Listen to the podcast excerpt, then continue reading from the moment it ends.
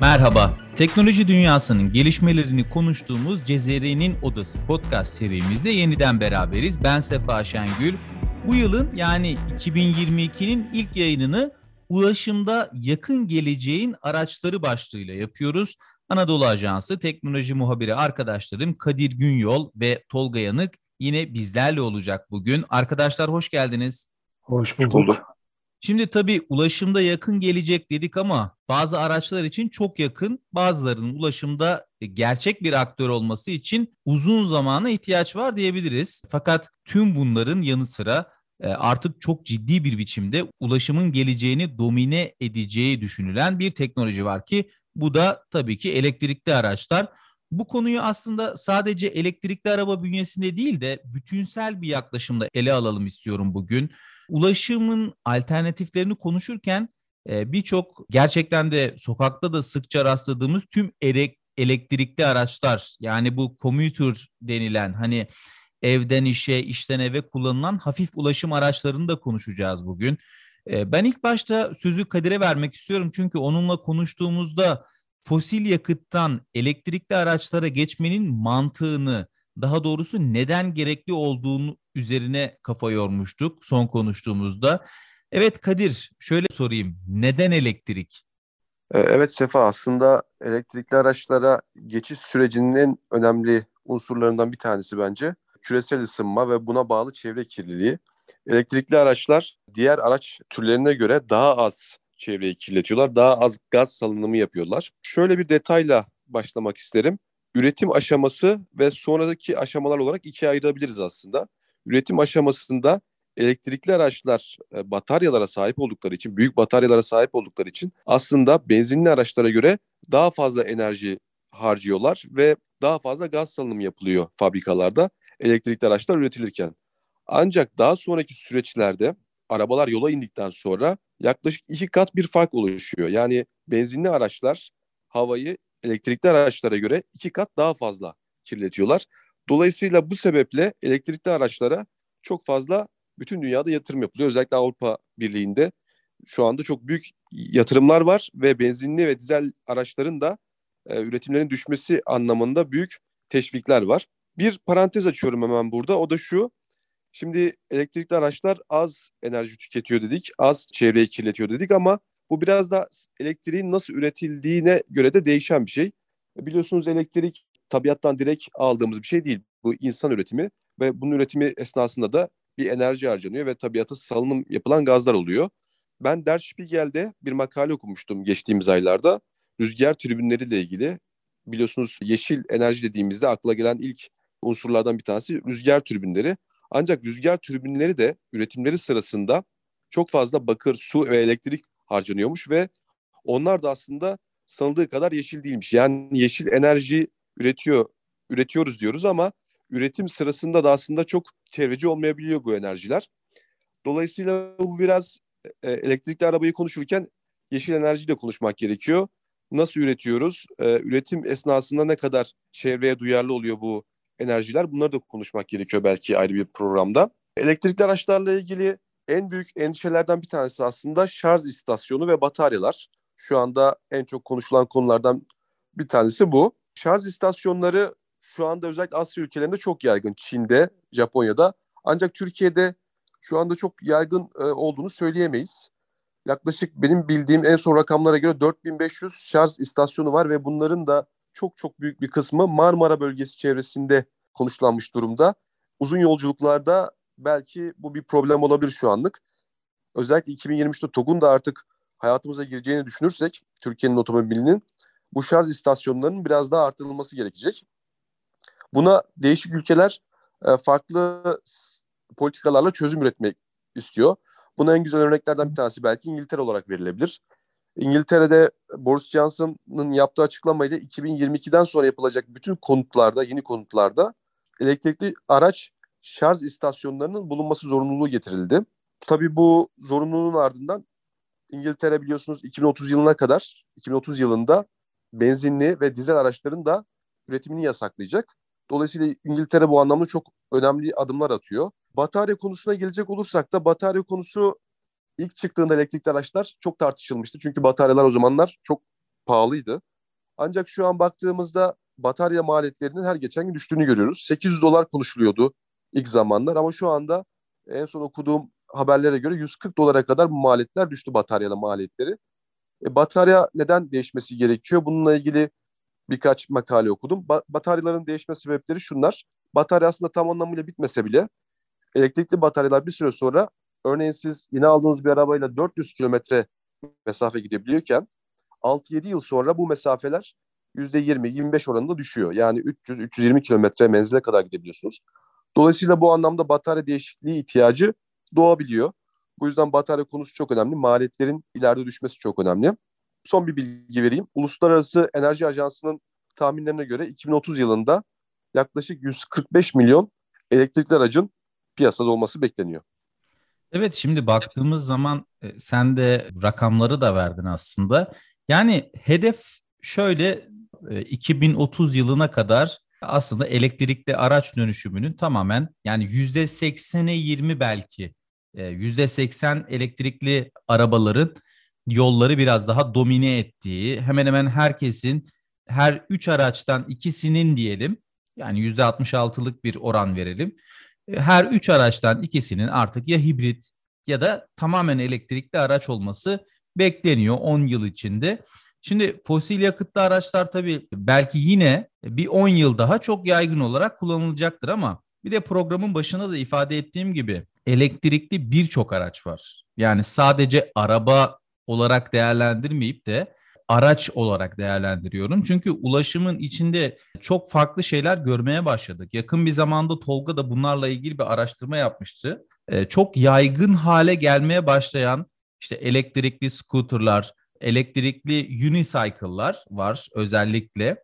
Çok fazla görüyoruz son dönemlerde bu araçları ulaşımın içinde. E, peki Tolga'ya sorayım ben şimdi. Tolga'ya e, buradaki dönüşüm hızı nasıl? Şehirlerde günlük kullanım arttı mı? Nelere ihtiyaç var bu anlamda? Yine Kadir mesela bataryalardan bahsetti, elektrikli şarj istasyonlarından bahsetti ama sen de burada günlük kullanım için e, bu scooterlar, unicycle'lar veya diğer küçük araçlar için nasıl bir dönüşüm var? Evet Sefa, e-scooter tarafında Türkiye'de gerçekten çok ciddi bir ilgi var. İnsanlar çok çabuk entegre oldular. Yani bu konuda Avrupa'yı ıskaladığımızı söyleyemeyiz. Yani hatta belki onlardan daha ileri bir seviyedeyiz. Hepimizin yani büyük şehirlerde özellikle yaşayanların da görebileceği gibi artık e-scooterlar her yerdeler. Mesela bir araştırma var. Türkiye'de e-scooter kullanıcı sayısının 3,5 milyonu aştığı söyleniyor. Bunun tabii belli bir kısmı ticari şirketlere ait ve onlardan kiralama yöntemiyle insanlar kullanıyorlar. E kendi şahsi skuterlarına sahip olanlar da var.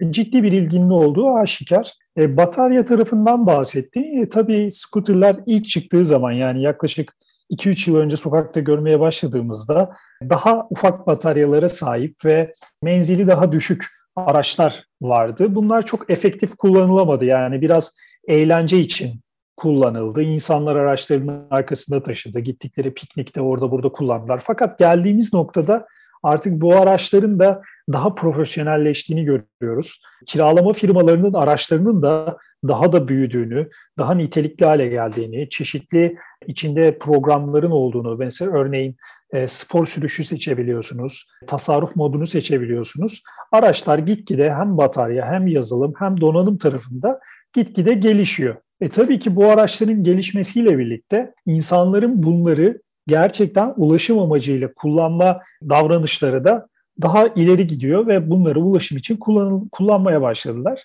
E şimdi bu skuterlere baktığımız zaman tabii insanlar genellikle işte evimden çıkıp işime gidebilecek miyim tarzında değerlendiriyorlar. Tabii ki böyle bir şey yok. İşiniz çok yakın olmadığı müddetçe işinize gidemezsiniz. Çünkü bunlarda e, ülkemizde 25 kilometre hız sınırı var. E, bir otobanda, bir e, ana yolda seyretmeniz mümkün değil. E, bu araçlar daha çok yapılan araştırmalarda da yani araçların felsefesi daha çok toplu taşımaya ulaşma amaçlı. Örneğin evinizden çıktınız, en yakın toplu taşıma size belli bir mesafe uzaklıkta örneğin bir kilometre, bir buçuk kilometre. Bu araçlarla o toplu taşımaya ulaşarak, daha hızlı ulaşarak toplu taşıma kullanma oranlarını arttırma gibi bir düşünce var. Hatta bununla ilgili bir çalışma da var.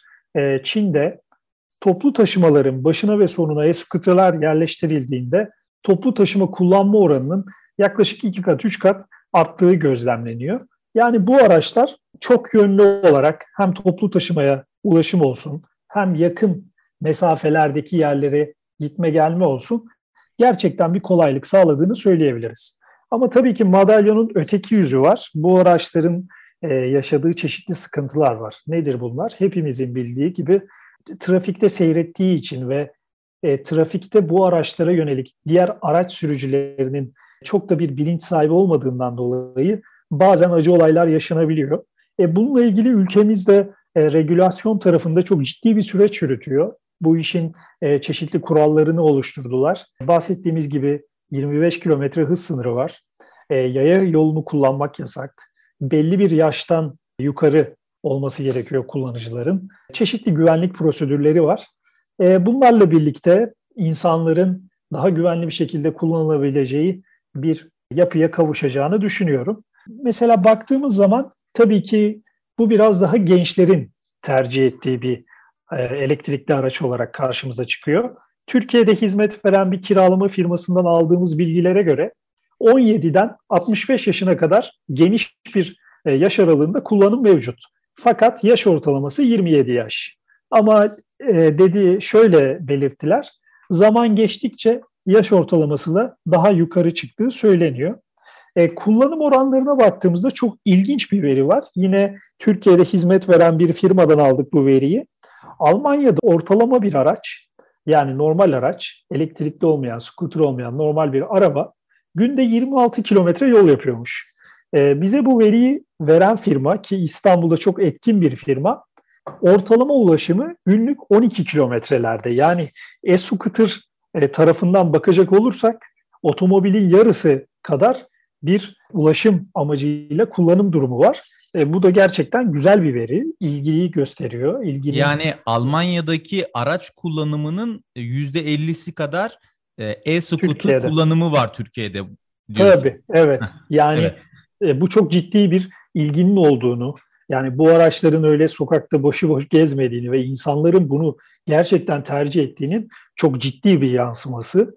E bu scooterların tabii bireysel kullanıcılar dışında kurumsal tarafta da bunları e, kullanan şirketleri görüyoruz. E, bunlarla paket teslimi yapanlar, e, öte yandan PTT'yi görüyoruz mesela posta dağıtım amacıyla kullanılıyor. E, ajans olarak e, bu konuyla ilgili bir haber de yapmıştık ve gerçekten e, posta dağıtım görevlileri e, bu araçlardan aşırı memnunlar. Çünkü şöyle diyorlar, diyorlar ki önceden mesela bir yere gitmek için çok ciddi bir enerji sarf etmemiz gerekiyordu, yürümemiz gerekiyordu.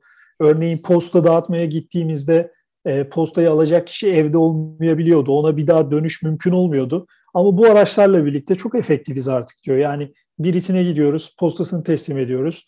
Evinde yoksa bile hemen 10 dakika sonra araçla geri dönüp teslimi sağlayabiliyoruz. Yani çok Özellikle büyük bir kolaylık sağladığını söylemiştim. Bir muhit içinde iki yakın mesafelerde çok Tabii. daha avantajlı bir kullanım Tabii. sağlıyor değil mi? Kesinlikle öyle. Bunu çeşitli meslek gruplarını kullandığını görüyoruz. E tabii ki bunlarla ilgili regülasyon süreçleri e, bence daha ileri bir seviyeye varacaktır. Çünkü mesela yaya yolunda kullanamıyorsunuz. E, ana yoldan yani ana yol derken arabaların seyrettiği bir yoldan gitmeniz gerekiyor. E, bu noktada da tabii araçların üzerinde kiralama yaptığımız araçların üzerinde çeşitli kurallar yazıyor ama insanların bunları okumada ve uygulamada sıkıntılar olduğunu görüyoruz. Yani herkes aynı ölçüde güvenlik prosedürlerine riayet etmiyor. Ama zamanla ben e, belli bir yapıya oturacağını düşünüyorum açıkçası.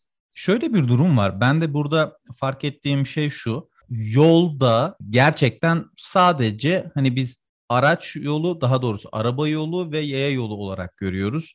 E, bunun dönüşümü muhtemelen elektrikli ve diğer araçların ulaşıma yoğun katılımıyla birlikte artık birbirini tanıyan, birbiriyle arasındaki mesafeyi kollayabilen, bunlarla ilgili sensörleriyle birbirlerinden yardım alan araçlar geliştikçe e, bu daha fazla oturacak ulaşımın içine.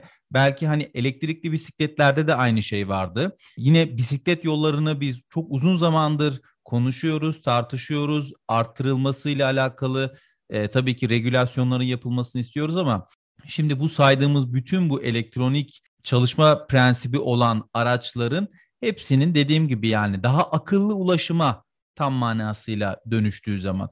Şimdi elektrik dönüşümünü anlatırken ben biraz da az önce de ismi geçti. TOG'a değinmek istiyorum. TOG'da orada başlatılan süreç sadece bir araba süreci de değil. Hani belki çok iddialı bir söz olabilir ama yollara bir devrim getireceğini düşünüyorum. Bunu da hani disruptive innovation dedikleri yıkıcı yenilik, daha önceki var olanın yerine bambaşka bir teknolojinin gelmesi olarak adlandırılıyor o minvalde.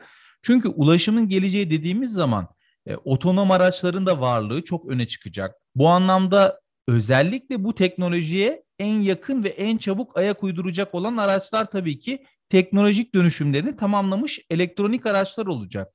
Yani biz bir 10 yıl sonrasını da konuşuyorsak bu anlamda bana göre çok önemli işler yapılıyor TOG cephesinde öyle gözüküyor. Yani siz neler düşünüyorsunuz? Hem elektrikli araçların yollarda daha fazla zaman geçireceği bir sürece girildiğinde tamamen akıllı ulaşım başlığı altında nasıl değerlendirirsiniz süreci? TOG özelinde konuşmak gerekirse şunu özellikle söylemek isterim. Özellikle uzun zamandır fikir olarak ilk ortaya çıktığından beri yerlilik tartışması çok yapılmıştı. Hepimiz burada uzun zamandır teknolojiyi takip ediyoruz. Teknoloji üreten firmaları takip ediyoruz. Şunu çok iyi biliyoruz ki birçok firma dünyada, araba firmaları da dahil olmak üzere yüzde yüz kendisi bir şey üretmiyorlar. Markalar yani bir marka değeri oluştuktan sonra farklı işler farklı ülkelerde yaptırılabiliyor ama o marka kime aitse o ülkenin oluyor. Dolayısıyla TOG'a böyle bir haksızlık yapıldığını düşünüyorum. Çünkü medyada böyle bir tartışma görüyoruz. İşte ne kadar yerli ki bu ülkeden başka bir cihazı başka bir ülkeden geliyor gibi. Ben bunu çok normal karşılıyorum. Birçok ülke bunu yapıyor. Belli bir seviyeye, olgunluk seviyesine gelene kadar bir ürünün en iyi kim yapıyorsa ondan faydalanmanız bence sizin için çok iyidir. Siz belirli bir olgunluk seviyesine geldikten sonra kendi ürününüzü geliştirdikten sonra yerleşebilirsiniz. Bu daha bence mantıklı bir yöntem. Burada belki en güzel örnek savunma sanayi olabilir. %20'lerden başlayan yerlilik oranı şu anda %70'lere ulaştı. Adım adım e, olgunlaştıkça ürünler yerli sanayiye dönmüştü. Dolayısıyla ben TOG'un e, TOG'a en büyük yapılan haksızlığı bunun ne kadar yerli ki gibi yapılan söylemler olarak görüyorum. Bu teknolojiler belirli bir ekosistem oluşturur. Bunu savunma sanayinde de konuşmuştuk. Ürettiğiniz bir teknolojinin bir parçası başka bir teknolojide de kullanılabiliyor. Dolayısıyla bir bu tarz üretimler bir ülkede kocaman bir ekosisteme dönüşebiliyor. Ekosisteme fayda açısından çok büyük bir yararı olduğunu düşünüyorum. TOG'un gelişimine baktığımız zaman içinde senin söylediğin çok güzel bir şey var. Yani hani bir ekosistem oluşturma meselesi. Buradan çıkacak birçok şey olabilir. Ulaşımda kullanılacak birçok teknolojinin önünü açabilir. Özellikle akıllı ulaşım sistemleri başlığı altında değerlendirdiğimiz zaman orada otonom araçların kullanılacağı yollar, elektrikli araçların kullanılacağı yollar, onlarla olan diyalog, orada tabiri caizse bir konuşma gerçekleştirilecek. Bu artık nesnelerin interneti dönemine gireceğimiz bir aşamada yol bize navigasyon sistemleri üzerinden yollardaki sıkışıklıklar, işte bunlara alternatifler bunları görebiliyoruz, gözlemleyebiliyoruz. Ama bundan daha öte sürüş güvenliği, işte e, az önce de ifade ettiğim gibi diğer elektronik bütün cihazlarla e, arasındaki mesafeyi korumaktan e, süre ulaşım süresi bunun gibi birçok şeye evrilecek birçok teknoloji içerisinden doğuracağını düşünüyorum. Entegrasyon süreçlerinde bu yazılımlar öne çıkacak ki hani yazılımlarla alakalı e, şu anda e,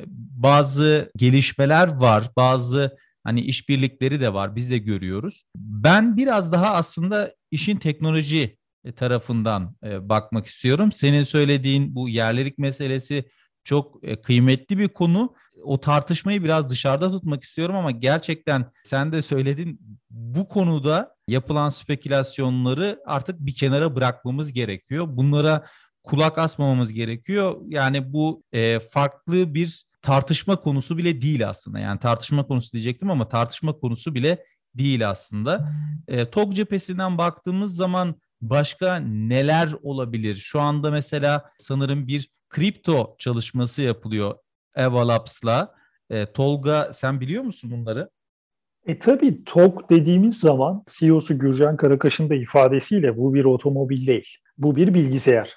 Yani bu çok doğru bir yaklaşım. TOG çünkü e, çağın ve teknolojinin gerçekten nabzını tutuyor. Bugün e, teknoloji fuarı Amerika'da gerçekleştirildi biliyorsunuz geçen haftalarda. E, oradaki arabalara baktığımızda artık arabalar araba değil. Yani bugün Tesla dediğimiz vakit e, Tesla çok ciddi anlamda satışlar gerçekleştiriliyor. Elektrikli araç piyasasını domine ediyor. Ama Tesla sadece bir elektrikli araç değil. Tesla'ya binenler bilir. E, ben de şahsen sahip olduğum için değil bir organizasyonda binmiştim. E, yani aracın içine bindiğinizde gerçekten farklı bir ekosisteme girdiğinizi anlıyorsunuz. E, neden? E, karşınızda bir kadran yok. Ortada bir tablet vari bir büyükçe bir ekran var. E, bu ekran bütün arabanın her şeyini kontrol etmenizi sağlıyor. Yani düşünebiliyor musunuz? Telefonunuza güncelleme gelir gibi aracınıza güncelleme geliyor ve bunu o ekrandan internete bağlayarak aracınızı bir üst versiyona yükseltiyorsunuz yazılımsal olarak. E, bu da tabii arabaların artık çok komplike, artık bir bilgisayar vari bir yapıya kavuştuğunu gösteriyor. E, TOK tarafında da biz e, yani birçok firmayla işbirliği yapıldığını biliyoruz. Yani TOG'un e, ön taraftaki konsolunu hatırlarsanız boydan boya ekran. E şimdi o ekranın arka planında bir yazılım var. Yani araçla entegre bir şekilde çalışmasını sağlayan, işte örneğin müzik çalarından tutun navigasyonuna. Orada ayrı bir dünya var. Orada mesela Türkiye'de öne çıkan bazı startuplarla çalışıldığını da biliyoruz. Blockchain tarafında da bazı çalışmalar yapılacağı söyleniyor ama bunlarla ilgili detaylı bilgi henüz paylaşılmış değil. TOG'un gerçekten e, yani şu anda söylem üzerinden baktığımızda ki bunun eyleme dönüşeceğine yürekten inanıyorum. E, otomobil piyasasında nabzı tuttuğunu ve ciddi bir şekilde başarılı olacağını ben düşünüyorum. Evet elektrikli araçların geleceğini e, konuştuk bugün. E, şöyle de bir istatistik verisi var e, aynı zamanda. 2019 yılına baktığımız zaman e, dünyada satılan her 100 araçtan ikisi elektrikli arabayken 2021 yılının verilerine göre her 100 araçtan 10'u elektrikli olarak tercih edilmiş kullanıcılar tarafından. Buradaki artışı da e, gözlemlememiz için böyle bir bilgiyle vermiş olalım. E, bundan sonraki süreçte muhtemelen 2022'de bu oran daha yüksek olacaktır.